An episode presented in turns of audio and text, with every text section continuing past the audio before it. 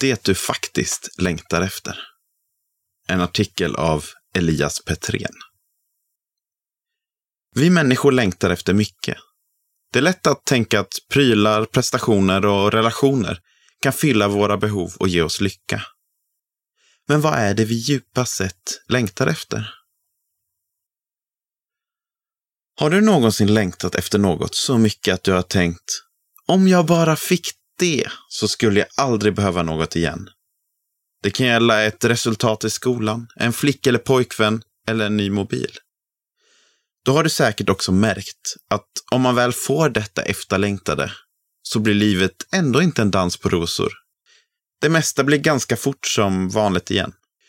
Personen som skrev bibelboken Predikaren hade samma erfarenhet.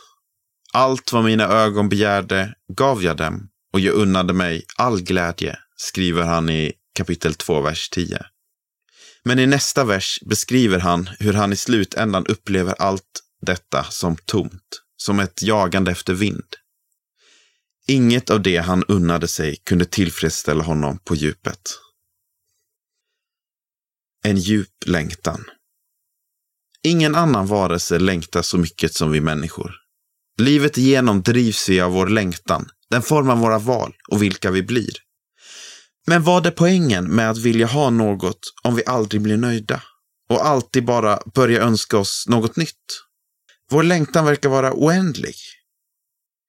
Jag tror att denna djupa längtan är en ledtråd till vad vi är skapade för och till vem som har skapat oss. Människan är nämligen skapad för mer än det korta livet här på jorden. Hon är skapad för att leva en relation med en oändlig, älskande Gud. Just därför är vår längtan så oerhört djup. För att vi är skapade för något så stort. Eftersom vår värld på många sätt är brusten och fallen är det först i himlen som vi kommer att få möta Gud ansikte mot ansikte och få vår längtan fullt mättad. Men redan här på jorden har vi möjlighet att börja ana hur fantastisk Gud är. Att han är värd att älska och längta efter. En felriktad längtan. Vårt problem som människor är dock att vår längtan ofta är felriktad. Precis som predikaren längtar vi efter mycket som inte tillfredsställer oss på djupet. Det är ungefär som när man är riktigt hungrig och äter en påse lösgodis. Visst blir man mätt och får energi en kort stund, men ganska snart mår man riktigt illa och är ännu hungrigare. Man hade behövt stilla sin hunger med riktig mat. Allt är inte guld som glimmar, som det sägs. Prioritera rätt. Vad man längtar efter, det kan man inte alltid styra. Däremot kan man med goda skäl arbeta på sin prioriteringslista i livet.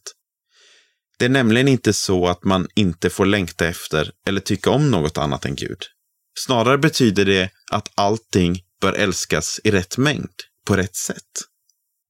Det allra mesta som vi har runt oss är sådant som är gott och som Gud har skapat.